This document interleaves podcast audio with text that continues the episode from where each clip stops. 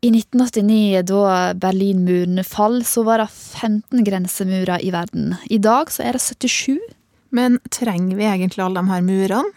Kunne vi ha gjort noe annet for å beskytte oss for eh, omverdenen? Spørsmålet skal Katrine Moe Torleifsson, som arbeider ved Senter for ekstremismeforskning ved Universitetet i Oslo, få svare på. I denne ukas podkast skal vi også høre at Jesus kjører rundt i Telemark. Jeg visste ikke at han kunne kjøre bil.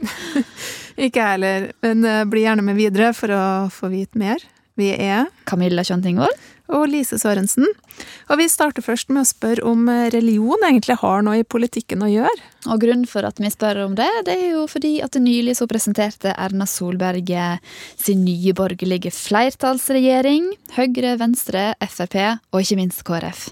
Men du, tenk om det var islamsk eller hinduistisk folkeparti som sto så sentralt i norsk politikk som Kristelig Folkeparti gjør nå? Ja, hva om det var alkoholforbud på restauranter, som de um, snakka og forhandla om uh, i regjeringsplattformen, eller um, ja, om de var uenig i at kvinner skulle kjøre bil? Det her er jo satt veldig på spissen, da. Men mm. ifølge partiprogrammet til KrF så bygger de politikken på Bibelen og den kristne kulturarva. Så med tida så kan det jo være at vi får politiske partier som har en annen hellig bok som utgangspunkt. Ja, hvem veit. Men altså, har religion egentlig noe i politikken å gjøre? Jeg syns det skal være lov å ha den religionen man vil, på en måte. Det skal være helt greit. Men eh, hvordan landet skal styres, bør ikke være påvirka, og i hvert fall ikke favorisere folk som har én gitt religion. Politikk er jo å bli enige om hvordan vi skal løse strukturering av samfunnet hva folk tenker om hva som skjer etter livet, og hvordan man innretter sine måte, private seremonier. Det har ikke noe i politikken å gjøre, syns jeg. Nei. Ja, det sier folk på gata i Trondheim.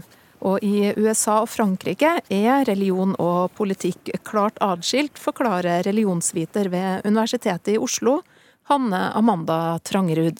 Og jeg tenker at det som vi nå har sett med regjeringsforhandlingene og KrF, viser at det norske systemet slik det er i dag, har et alvorlig demokratisk problem, ettersom det tillater at et relativt lite parti som representerer én bestemt religion, kan havne i en vippeposisjon som åpner for nasjonale lover om religiøse kjernesaker.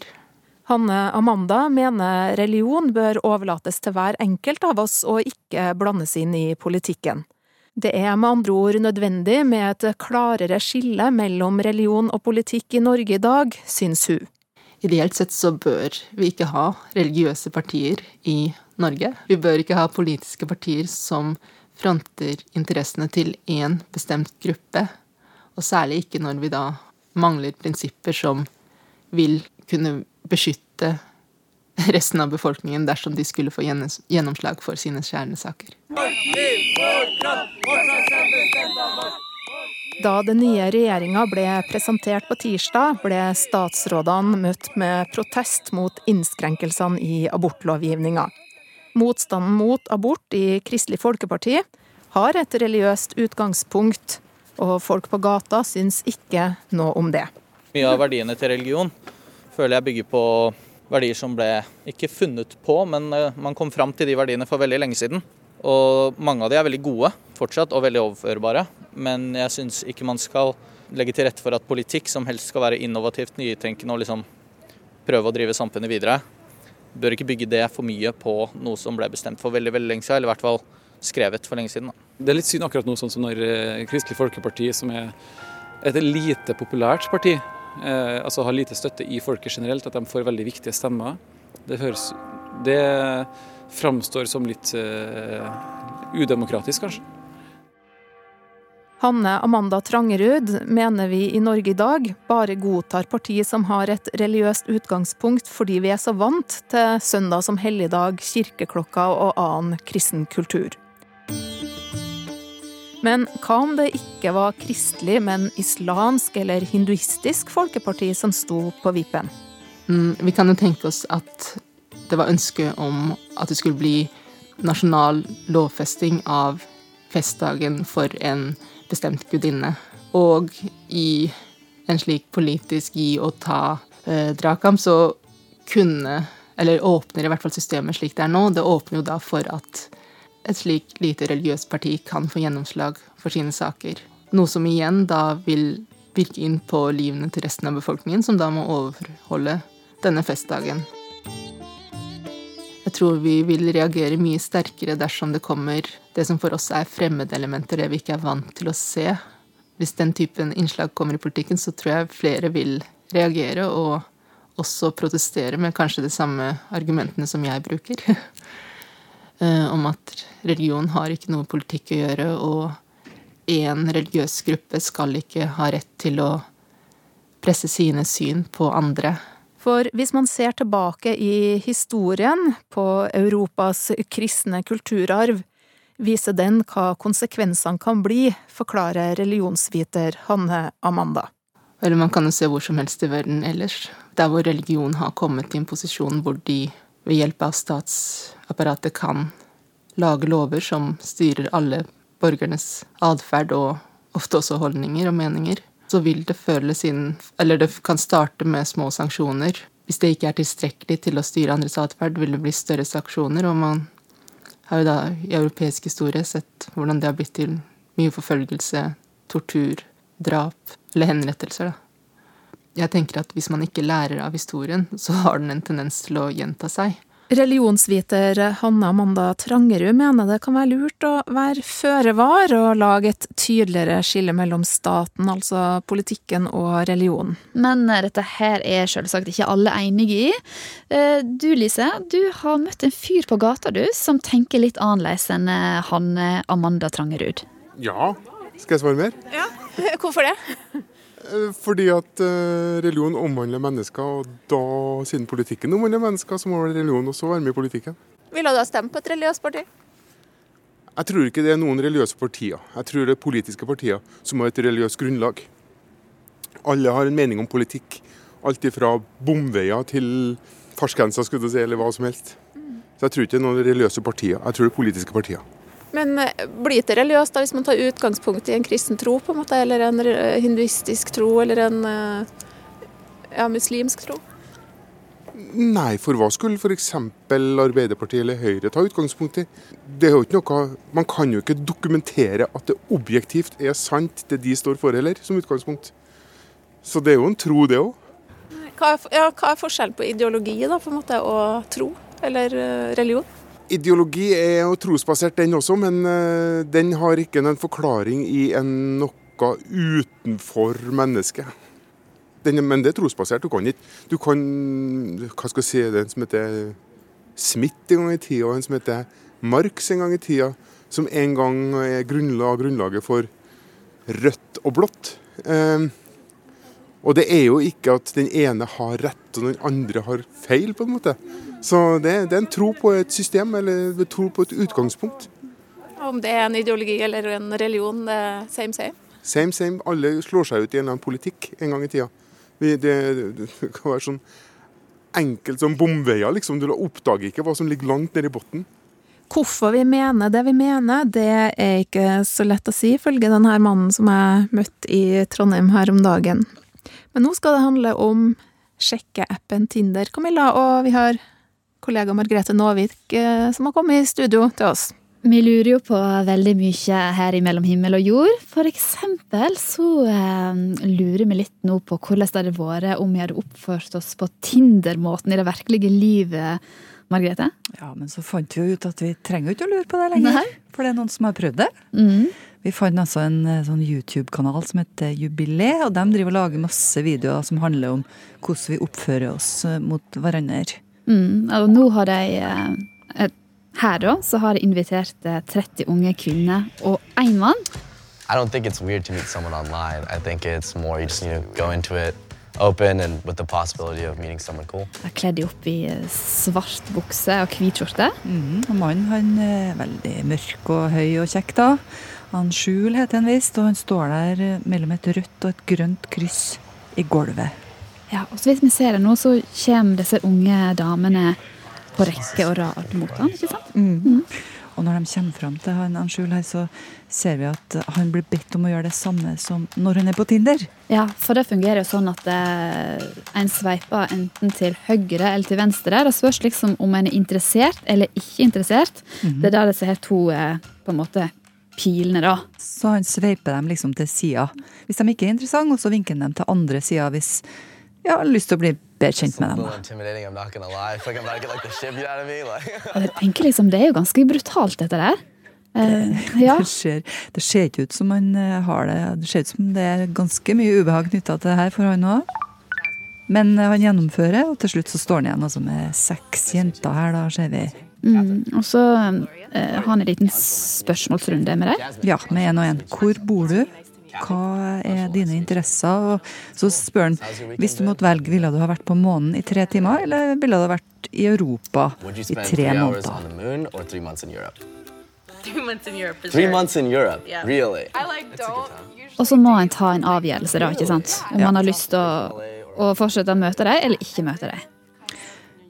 Så Til slutt så blir den da sittende igjen med hun ene. Ei mørk og blid ei med sånn lang, avslappa skjorte. Ja, Og så utveksler de telefonnummer, sånn som en gjør i det virkelige liv. Og så er det over på noen få minutter. So I had a really great time talking to you. I love the chance if you'd like to see me again sometime. I'd love to take you on a date, maybe like next weekend. Yeah. Let's do it. okay. Cool. I'll send you times. Let me get your number real quick. Og det rare er jo at uh, vi snakka jo om at dette må jo være fryktelig ubehagelig og mye verre enn å sitte på Tinder, liksom. Men uh, etter hvert som videoen har gått, så har jeg kjent at det kjennes jo egentlig bedre ut. Og jeg lurer liksom på hvorfor. Ja, Kan det f.eks. være det at, det- at den du skal avvise, du må se hun inn i øynene? Ja, Ja. kanskje. Altså, du blir jo nødt til å tenke over da, hva slags ansikt du skal sette opp. Hva, hvordan hadde du ville ha sett ut, Camilla, liksom, hvis du skulle ha avvist en mann? Uh, jeg tror jeg måtte gjort det på litt mer sånn sympatisk måte. Kanskje litt smil, medfølelse. Sånn ja, lykke til. Det er ikke deg. Det er ikke noe gale med det, liksom. Ja, nemlig. For at eh, når vi gjør det på Tinder, så vil vi vel tillate oss sjøl å være helt kald. Ja, for du ser jo ikke den du, eh, du har på Tinder framfor deg. Nei. Så det er bedre å bli avvist av et smilende fjes da, enn et ansikt du ikke ser. 3D er bedre enn 2D. Nesten alltid. Nesten alltid. Strange. Strange. It's interesting that we do this all the time, and like I've definitely done this multiple times on my phone, but but this was like, oh, done in five seconds. That's so strange. So you can judge a whole person in five seconds. Mellom himmel og jord. Det er mange ting i livet som er usikkert, men det som er 100% sikkert, det er at eh, vi alle sammen skal dø en gang. Du, vi er kanskje litt brutale nå, men eh, det er nå bare sånn det er. Eh, Når jeg tenker på det som venter der framme en gang, så er alt veldig uklart. Døden er fjern. Og kanskje er det sånn for deg òg, Lise? Ja. ja. Eh, Selv om den kommer jo stadig nærmere.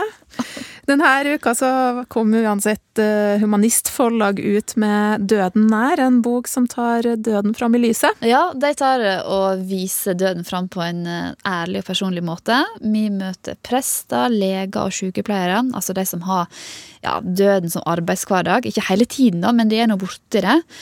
Vi får òg et nært og personlig møte med mennesker som ikke har så lenge igjen å leve. Så hva kan vi egentlig lære av de som står midt oppi det? Ja, Camilla, du har tatt en prat med June Westerveld, som vanligvis er journalist i A-magasinet, men hun har også vært med og skrevet denne boka. Det er jo ikke det at eh, vi tenker at det er viktig at eh, alle som er friske, bare skal gå og tenke på døden hele tiden. Ehm, Vi vet jo at det kommer, men eh, samtidig så ser vi jo at det å kunne litt om hva døden er Mange har, de aller fleste har heller ikke sett et dødt menneske. Og det å vite noe om det, det gjør um, altså Ofte så er det sånn at kunnskap gjør trygg. I boka så møter vi Anne Kari. Hva kan du fortelle om henne? Eh, Mannen hennes Sten, hvis han skulle beskrive henne, da sa han alltid at hun var grenseløst åpen og nysgjerrig. Og hennes eh, viktigste livsråd til oss da når vi traff henne, det var si ja til alt. Det var liksom, da vil du, og du aner ikke hvor mye godt du vil oppleve i livet, si ja til alt. Så da vi spurte Anne Kari da, eh, om hun ville stille opp i denne boken med den holdningen hennes, så sa hun hun selvfølgelig ja til alt. Og, og Anne Kari, hun, hun var litt over 60 da hun bare skulle undersøke en blødning hos gynekologen sin, og så ble hun henvist videre og fikk egentlig ganske kort tid etterpå vite at hun hadde livmorkreft, og at det var en aggressiv type. Og hun fikk dårlige prognoser nesten med en gang. Um, og da vi ble kjent med henne, så hadde hun uh, visst om diagnosen sin i halvannet år cirka.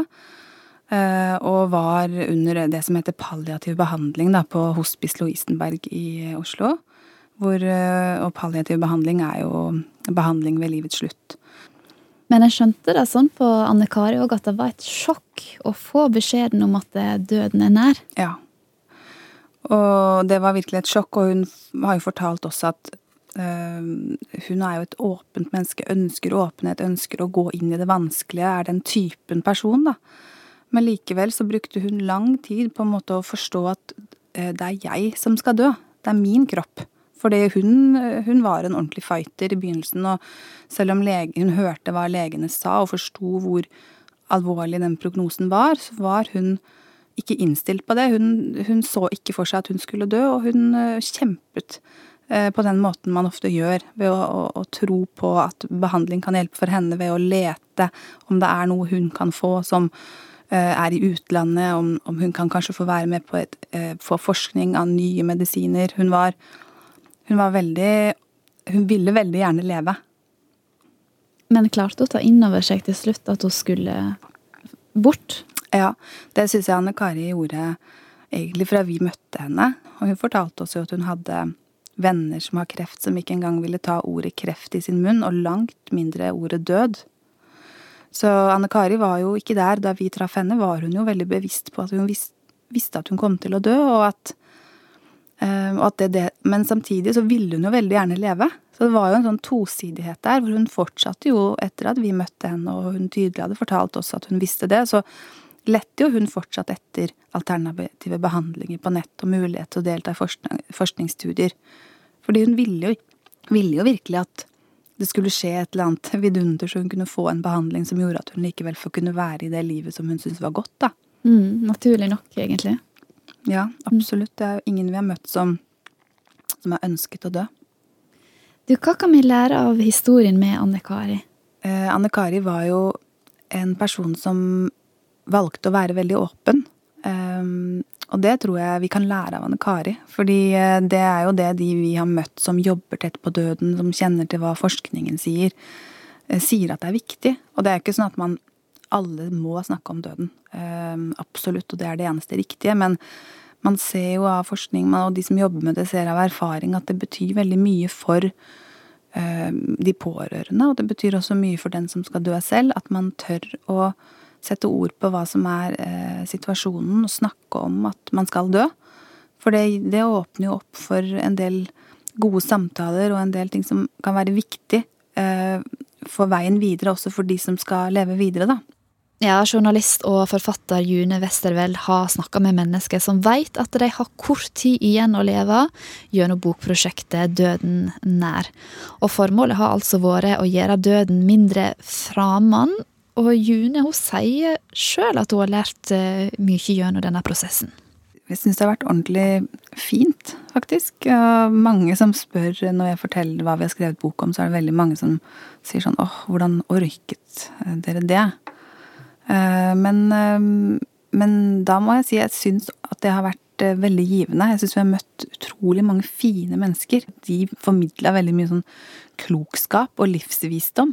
Du snakker om livsvisdom. Er det noe du kan trekke fram som du, som du syns var godt sagt, som eh, du kan tenke deg å ta med deg videre i livet? Det som kanskje er litt gjennomgående, er jo at det er ofte de små hverdagslige tingene som, eh, som betyr noe for dem når de har kort tid igjen å leve. Og en mann som vi intervjuet sammen med kona, de var nygift, de var veldig forelska. Eh, og de elsket jo livet sammen, egentlig. De var litt sånn De bodde i Oslo, de likte å gå tur på Sankthanshaugen, ta kaffe på Java. Og da etter hvert som han ble sykere, så var det jo var det disse tingene han lå og drømte om eh, på sitt dødsleie, egentlig. da han spurte han hva det var han på en måte aller mest ønsket seg, så var det egentlig bare det, da. Å gå en tur med kona kjøpe seg en kaffe, snakke om, lese en avis og snakke om litt politikk. Så jeg syns kanskje at, at jeg har lært at det er disse små hverdagstingene som vi bare koser oss med, men kanskje ikke tenker over at det er selve meningen med livet, men det liksom bare er der.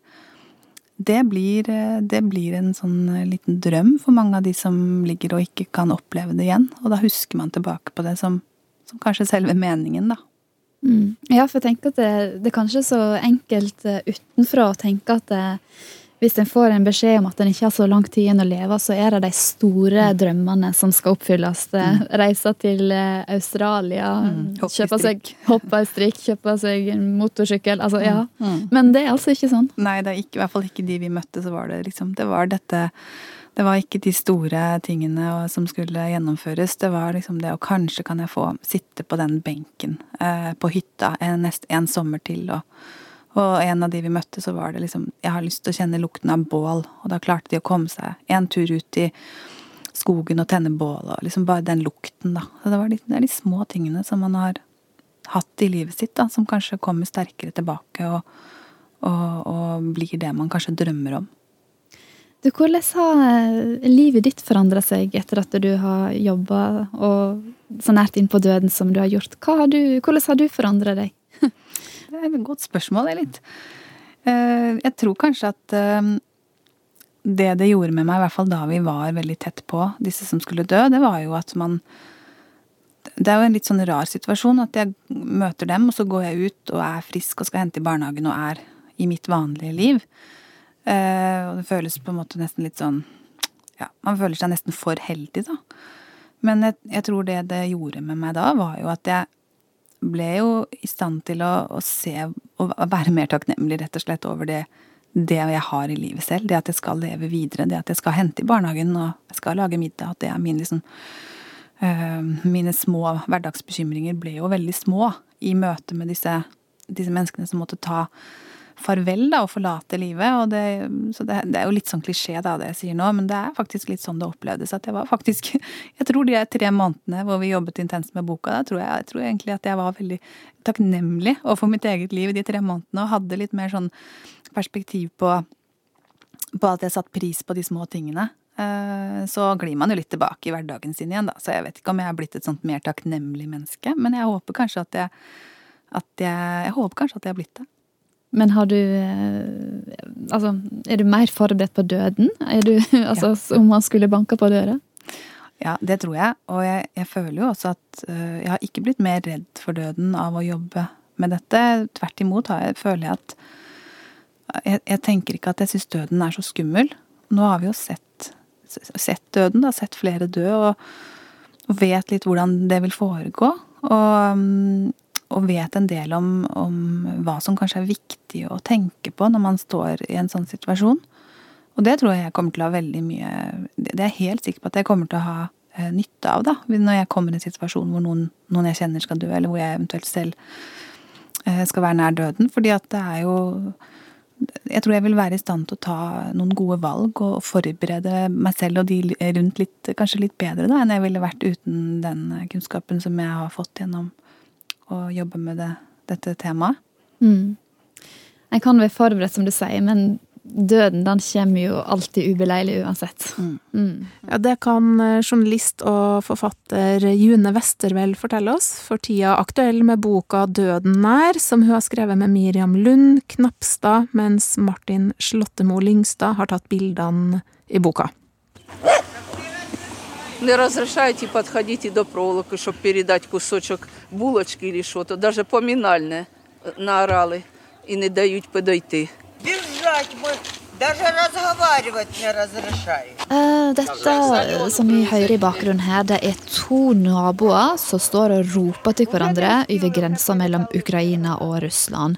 Og mellom dem så er det et høyt gjerde med uh, det er piggtråd helt øverst.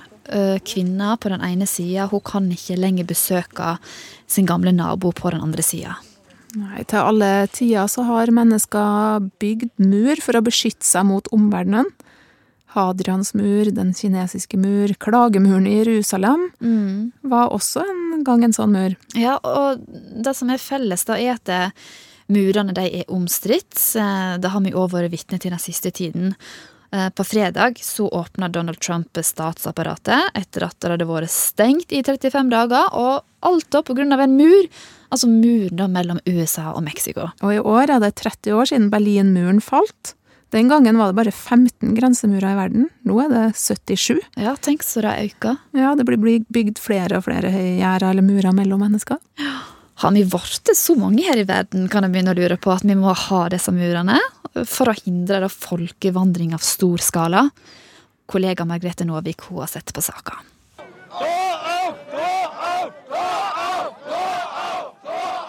Natt til 10. november 1989 en enorm folkemengde venter ved Berlinmuren. Det her er fra Bornholmer Strasse. Muren skal endelig ned. Folk skal få møte sine kjære på andre sida. Portene åpner, og folk strømmer over grensa.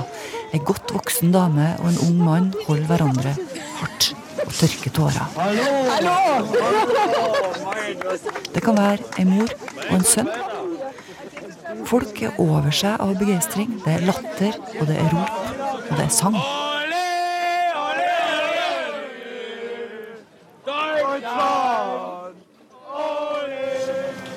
I Norge er det stille natt. Ei lita jente som heter Katrine Mo Torleifsson, sover i senga si på Smestad. Det er mild vinternatt i Oslo, fem grader pluss og overskya. Mor syns det her er en såpass stor begivenhet at hun vekker Katrine, sånn at hun skal få se TV-bildene fra Berlin. Det mor ikke vet, er at jenta hennes senere skal forske på grensa og på mur. Jeg fikk en liten bit av Berlinmuren. Det er et av de første minnene jeg har som liten, faktisk. At jeg fikk, eh, fikk det som et symbol på nå at Tyskland var gjenforent. Begynte å gro en liten murforsker i deg da, eller? Det kan hende, men det var i hvert fall sterke bilder eh, den gangen med mennesker som strømmet da over til den demokratiske vestsiden og, og feiret på en måte at nå var denne perioden eh, over. Omsetninga av sement til grensemura må ha vært på et bunnivå. Da Berlinmuren falt, så var det 15 grensemurer i verden. Nå har Katrine Mo Torleifsson telt 77. I løpet av 1990-tallet så var jo Altså Da var den kalde krigen fortsatt friskt i minne, så stater var veldig nølende med å bygge grensegjerder. Det ble sett på som veldig uforenlig med liberale, frie demokratier. Det var ikke slik det skulle reguleres.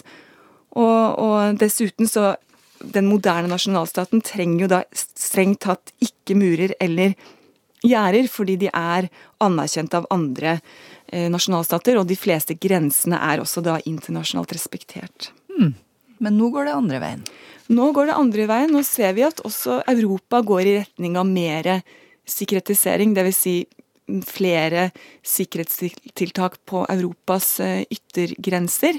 Og det man har kalt dette Fortress Europe, altså festning Europa, som nå eh, bygges fordi man ser konturene av og, og frykter også framtidig eh, massemigrasjon. Og man kan spørre seg, sier forskeren, hvorfor? Fordi de er veldig dyr, med alt vakthold som følger med. Og ikke er de særlig effektive heller, de her murene. Men de har også stor symbolverdi. Se på meg, jeg er en politiker med handlekraft. Bare se på den flotte muren her.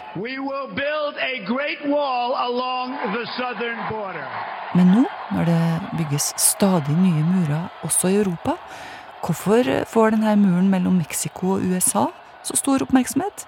Det er jo mange stater som bygger mur om dagen. Det er jo fordi det var en sentral del av eh, valgkampsløftet til Trump til sine velgere å bygge en stor og, og vakker mur, og han vil gjerne innfri det løftet. Og Samtidig har det jo vært hele hans eh, periode nå som president, er det en dramatisering av krise ved grensen, og han bruker det veldig aktivt for å vise at han er en handledyktig og, og skal sikre finansiering til denne grensemuren, som nå blir en, faktisk en grense Stålbarriere blir det. Det blir ikke en, en betongmur slik han eh, lovet eh, innledningsvis. Men egentlig så er det samme som foregår flere plasser i verden, da? Det er det. 77 grensemurer i verden omtrent, mot 15 i 1989. Men er det noen vei utenom de her murene? Altså Kunne vi ha revet dem ned og gjort noe annet for å beskytte oss mot verden rundt? Ja, jeg tror det. Og det er jo at um, framfor murer så gjelder det nok å adressere disse driverne for konflikt og usikkerhet i, i, da, i, verden. Og det kan være ulikhet, og det kan være sosioøkonomiske problemer og, og, konflikt. Så det gjelder å finne langsiktige løsninger. Fordi murer er jo egentlig da kortvarige, avskrekkende, konkrete tiltak. Det er klart, eh, vi lever i en hyperglobalisert verden, og mennesker vil alltid ønske det bedre for sine barn, og tar en enorm risiko ved å prøve å, å søke seg til et eh, bedre liv, og ofte med sitt eget liv som innsats. Så da lønner det seg å sørge for at folk får et bedre liv der de er? Absolutt. Det sier forskeren, hun som er over middels interessert i grenser og murer og nasjonalisme og sånt. Men har hun denne biten av Berlinmuren fortsatt? Ja, den har jeg. Den er eh, ganske liten, altså ja, under 10 centimeter, med eh, eh, graffiti, litt sånn lilla graffiti. Det kan ikke tyde hva det står. Eh, så det er et sterkt eh, politisk eh, minne. Ja, da sier Katrine Moe Torleifsson, som arbeider ved Senter for ekstremismeforskning ved Universitetet i Oslo. Vi går videre, Camilla. Vi skal ut i mhm. Trafikken. Siden 2017 har det vært mulig å eie sitt eget personlige bilskilt i Norge. Ja, har du skaffa deg et sånt skilt? Nei, men det har mange andre gjort. Mm. Viking, bacalao og basseng kjører for tida rundt på norske veier. Ja, det er utrolig kreative, disse folka her. Men eh, det spørs om eh, de vi skal møte nå, får eh, litt mer oppmerksomhet. Ja, for du har tatt en prat med ekteparet Gisle og Anne Lise Langgaard fra Bamble i Telemark, og de var ikke i tvil om hva de ville fronte i trafikken. Ja, da skal jeg få si det. Vi har uh, skaffa oss eh, bilskilt som det står Jesus på, og som står på bilen vår nå. Mm. Så har vi også skaffet et annet Jesus 1, mellomrom 1, så vi har to skilt da, som er ganske like. ja, så i Telemark så eh, kan en plutselig se Jesus og Jesus 1 kjøre rundt. Det, det kan man. Ja, for uh, ti år, da. Vi har reservert for ti år, da. Og betalt uh, 9000 kroner per skilt. Ja. Ja, for du, som du sier, det koster jo litt å skaffe seg personlige bilskilt. Hvorfor har de egentlig lyst til å fronte Jesus på denne måten her i trafikken? Det er fordi at vi, eh, vi, vi er kristne. Eh, vi ønsker at Jesus skal bli gjort kjent for alle mennesker. Og, så det er for å minne alle på at Jesus er en realitet og, og at man kan ta et standpunkt for han. Så de er på en måte ute og forkynner litt?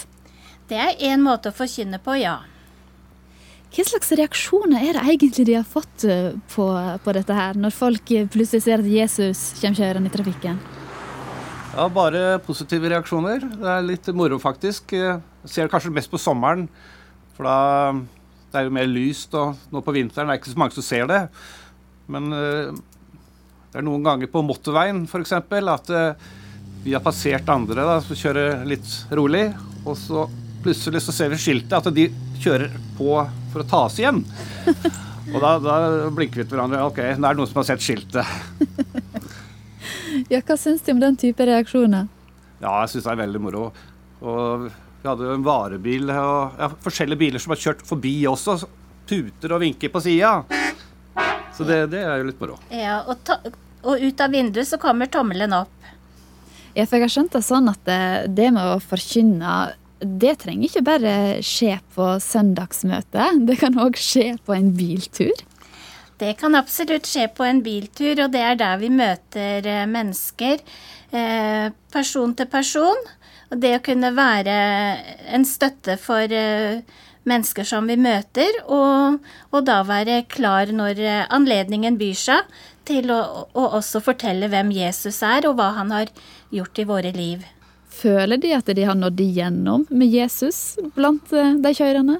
Jeg føler at vi har, vi har starta, og nå fortsetter vi. Og så, eh, så det er ikke noe som vi blir ferdig med i morgen.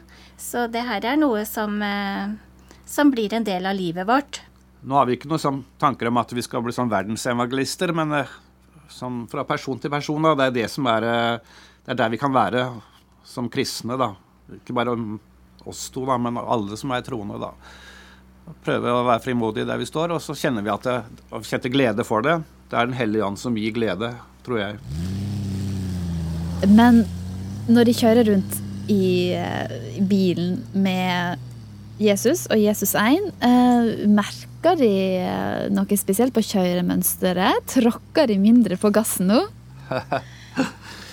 ja, jeg må bare si må passe seg, vokte seg litt. eh, Jeg føler det, for jeg, jeg har alltid vært glad i fart. da. Jeg syns gjerne fartsgrensene er altfor lave. Og, men jeg, jeg var vel ikke sånn råskinn før heller, men jeg, kjenner vel litt mer på det nå at jeg, at jeg må ta hensyn. At jeg ikke tar noe shortcut eh, som eh, Ja, det, det, er- det er dårlig reklame. Det er, jo, det er jo det. Det er dårlig reklame for Jesus. Ja. Det er det. Og for oss. Ja, der kjørte de av gårde, Gisle og Annelise Langgaard, eller Jesus og Jesus 1. Mellom himmel og jord. Bønn det hører vi ofte om i mange forskjellige religioner. Det har de til felles. Eh, Og nå i januar så arrangerer flere kristne kirkesamfunn bønneveke. Men hva er en bønn, og hva med dem som mediterer eller driver med såkalt mindfulness? Er det her også en form for bønn? Ja, er det egentlig det? Vi får høre litt på folka på gata som eh, Ove har møtt. Han har stilt deg spørsmålet Har du en eller annen gang i livet ditt bedt ei bønn? Nei, men uh, eneste er jo bekjente, da. Men det er ikke bønn, men det er mer meditasjon, da. Jeg vet ikke om det kan sammenlignes. Så mer på morgens, morgenskvisten og bruke litt tid på å puste og ta livet med ro, da. Før man starter dagen. Hvis du skulle ha definert bønn, da, sånn som du tenker bønn er, hva, hva ville du sagt da?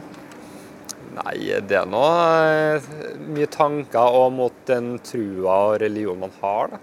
Få kontakt med det man ikke kjenner, da. Er det en aktivitet som, som, som frister deg? Eh, frister og frister? Nei, det er ikke noe jeg har tenkt på, nei. Jeg lever egentlig bare livet og ikke tenker så mye. Da går det bra. Tenker du om de kompisene dine eller vennene dine som eh, starter morgenen med en sånn liten kick? Nei, jeg tenker det er bra for dem, og det har vært interessant å prøve da. Men eh, for min del så har jeg ikke funnet tid til det. Men jeg syns det virker interessant. Jeg gjør det. Hva er bønn for deg, da? Nei Altså, det første jeg tenker på, er jo religiøs eh, Altså koble til, til religion, da. Og be til en gud. Men når jeg hører dere snakke om meditasjon og sånn, så blir jo Ja, jeg får, får litt nye tanker, da. Og tenker at det er jo faktisk sant. Da får du jo kanskje litt mer krefter fra deg selv istedenfor noe ytre. Ja, for så Hvis du går på et treningssenter nå, så har jo, tilbudet de jo både meditasjon og yoga og alt mulig. At de tenker at OK, folk har også et slags åndelig liv, da. I tillegg til bare å pumpe muskler, liksom. Har, har du vært med på noe sånt? Eh, Jeg har prøvd yoga, eh, men jeg har litt for mye energi. Jeg klarer ikke å finne den roa da, til å faktisk komme inn i den flyten da, som de snakker om. Og den pusteteknikken og Men jeg kan se for meg at det har effekt hvis du klarer å faktisk ja, komme inn i det, da. Ja, det var interessant. Det er vel det vi har en liten mistanke om at dette med bønn og meditasjon, kanskje yoga, mindfulness At det er liksom litt samme greia, da. Men vi får høre med flere. Hvor ofte ber du en bønn? Fem ganger i- i dagen. Ber du om noe spesielt, da? Nei, for å bli bra person. Bli grei mot alle folk. Hjelper det, syns du? Ja, det gjør det. Hvor lenge holder du på? Nei, Det er sånn fem minutter. Altså, Det er litt eh, vanskelig her. Fordi hvis du legger merke til, det er ingen som smiler i ansiktet ditt. Der vi kom fra, alle smiler hvis de ikke kjenner det. Fordi de vet å smile i ansiktet til folk det gjør dagen deres bedre. Du tenker hvis du, hvis du ber, så får du litt mer smil i ansiktet? Var det, derfor, det var derfor du smilte når du så meg, da? Du føler deg godt innvendig. Hvordan hadde du vært hvis du ikke hadde bedt? Jeg tror jeg kunne blitt hengt med mange dårlige folk. Og drevet med narkotika, gjort mye dritt når jeg er ung. Du tenker at det med bønn er viktig for å liksom holde livet ditt i balanse? Ja, Det er fordi når du har det dårlig en dag, du tenker kanskje du kommer å dø, miste håpet av livet ditt, ikke sant? Så når du tenker du har noe du kan be til, så det hjelper. Ja, det var muslimsk ungdom. Og han eh, ba så det suser, og han sier at han hadde stor nytte av det. Har du noe kjennskap til bønn? Ja, jeg er medlem av den danske altså folkekirke, og, og jeg, jeg, jeg ber til. Ber du om noe spesielt da, eller? Det er nok sånn mer en taknemmelighed for et godt liv. Jeg synes, jeg har, jeg synes, jeg har en ro og en, en glæde. Så, øh, så ja, ja, det synes jeg. Mindfulness har jeg litt har jeg kvæg mitt jobb arbeidet litt. Jeg har arbeidet med børn med øh, omsorgssviktede børn, hvor okay. vi har brukt det i øh, arbeidet deres. Ok. Ja. Men, men kan sånne sånn som mindfulness, kan det ligne litt på bønn? Mulig en, altså det er jo den der ro og fordybelse, kan man godt øh, sidestille, tenker jeg. Ja. Men har du noen gang bedt en bønn? Nei, jeg tror ikke det, altså. Jeg er ganske sikker. Jeg er litt sånn ateist av meg, dessverre. Dessverre, er det dumt å være ateist da? Ja, jeg vil jo si man er jo litt utenfor og litt kjedelig. Man er ikke helt med i gjengen. Eller ikke at hele gjengen er kristen, da, men eh, du skjønner hva jeg mener. Man er litt utenfor. Men du har ikke bedt en bønn når du var veldig liten, før du ble ateist da? Nei, I så fall så husker ikke jeg det. Av og til så ønsker man jo at høyere makter skal hjelpe til hvis det går eh, man er nedfor, eller eh, Jeg har kanskje gjort det. Kanskje. Kanskje. Kanskje jeg ikke vil innrømme det. Ja, jeg kan si at jeg har sikkert tatt en bønn en gang, men uh, I svakt øyeblikk? Ja, i et dårlig øyeblikk. Ja, som eh, vi hørte her, så kjenner folk stort sett til eh, disse her ulike formene for meditasjon og yoga. Og nå skal vi møte Jørgen Leangen, som er buddhist med et aktivt bønneliv. Eller det vil si, han kaller det noe annet, da. Jeg kaller det for sjanting, men det er jo en slags bønn, men det er ikke en bønn til en gud. Vi har ikke noen guder. Sånn at eh, det er en bønn til livet mitt, egentlig. Ja. Det skal jeg gå inn.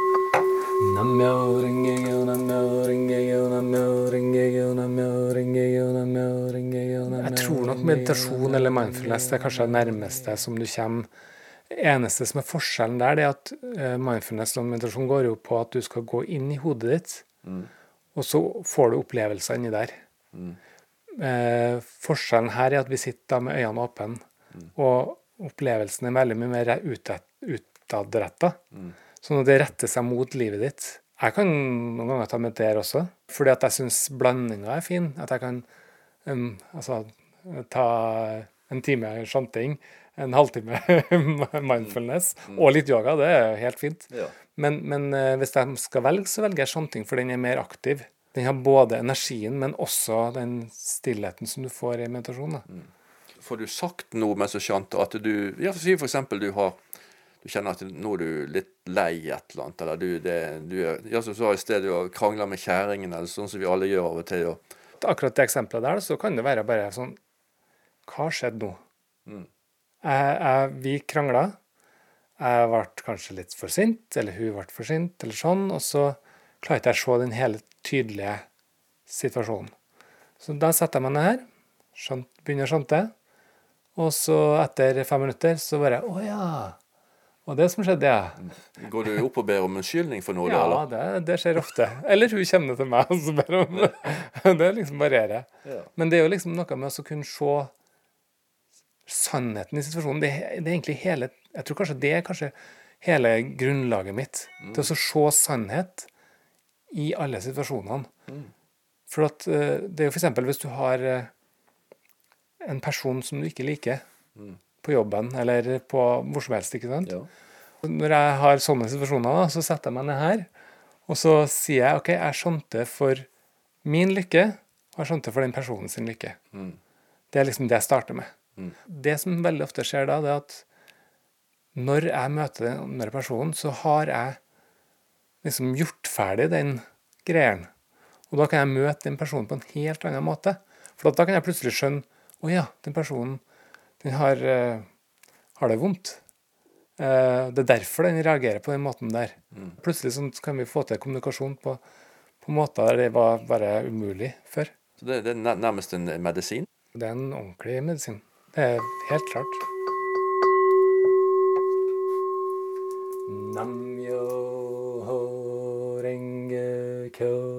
Hvor kommer den sjantekraften fra som gjør at du, at du får utvidet eh, ting og tang?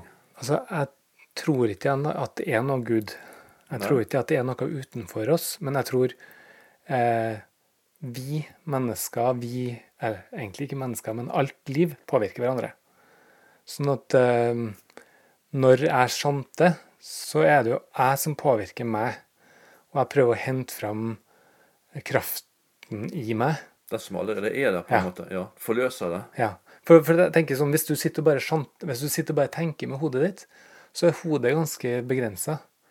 Men vi tror da at det er et lag til, som er da potensialet, eller buddhaheten, eller hva man kaller det. ikke sant? Mm. Og det er der du henter krafta. Og den inneholder alt sammen. Den inneholder alt det bra og alt det dårlige med deg. Ikke det at du har skyld i noe. Det er mer at eh, du kan ta ansvar for å kunne tåle det som møter deg. Mm. Når du opplever vanskelige ting, så er det ditt ansvar å klare å komme deg videre. For det er ikke noen andre som kan ta det ansvaret. Mm. Og da er det deilig å ha en sånn verktøy som bare setter i gang hodet ditt. og sånn. Mm. Jeg kan sitte her og gråte. Ja. Jeg kan sitte her og flire. Jeg kan sitte her og være skikkelig, skikkelig forbanna. Eller jeg kan bare sitte her og glise og være helt i bliss, liksom. Du sier at du har holdt på med dette siden rundt eh, 2000. Mm. Men eh, da vet du hvordan det er å leve et liv uten disse tingene vi snakker om nå. Eh, hva er forskjellen? Åh, jeg var jo 24 år når jeg starta. Ja. Og jeg husker det var en sånn helt sånn absurd ting som skjedde. For at når, før det så var jeg veldig, veldig utålmodig. Jeg hadde Hvis jeg var på en fest, så kunne jeg snakke med deg maks Det var maks fem minutter per pers. Eller så måtte jeg gå Jeg skulle gjerne på do. Var aldri på do. Men jeg måtte, måtte bare bort, og måtte bare bort hele tida. Litt sånn hyper, på en måte? Ordentlig hyper. Ja. Og så husker jeg at jeg begynte med det her da, sånn smått og bare Det var jo liksom sånn, var jo nysgjerrig og prøvde å finne ut av det og sånn, og var ganske treig i starten. Men da fant jeg meg sjøl etter to-tre måneder, så skulle jeg på Det var en fredag. Jeg bodde i Bergen. Selvfølgelig. Ja, selvfølgelig. bodde i Bergen, og det var en fredag, og jeg satt i sofaen og leste bok. Mm. Fredagskveld. Og jeg tenkte, hva er det som skjer her? Det hadde aldri i hele mitt liv Det var ikke snakk om at det skulle være mulig, det. Å sitte på en fredag og lese en bok hjemme. Og hadde lyst til å gjøre det. Og da kjente jeg liksom plutselig på en sånn ro som jeg ikke hadde hatt før. Jeg merka liksom at jeg hadde plutselig en helt sånn annen en indre styrke, da. Som gjorde at var, det var et rom til at jeg kunne være rolig. Mm. Det var deilig å kjenne. Det mente Jørgen Leangen, buddhist som bor i Trondheim, praktiserer shanting, som er et gammelt japansk språk som blir brukt av buddhister over hele, hele verden. Og shanting, det er det siste vi hadde å by på i Mellom himmel og jord. Ja, nå retter vi jo blikket framover mot neste sending. Ny podkast neste mandag. Lise Sørensen og Camilla Kjøntingvold sier takk og farvel. Til neste gang, ha det bra. Ha det.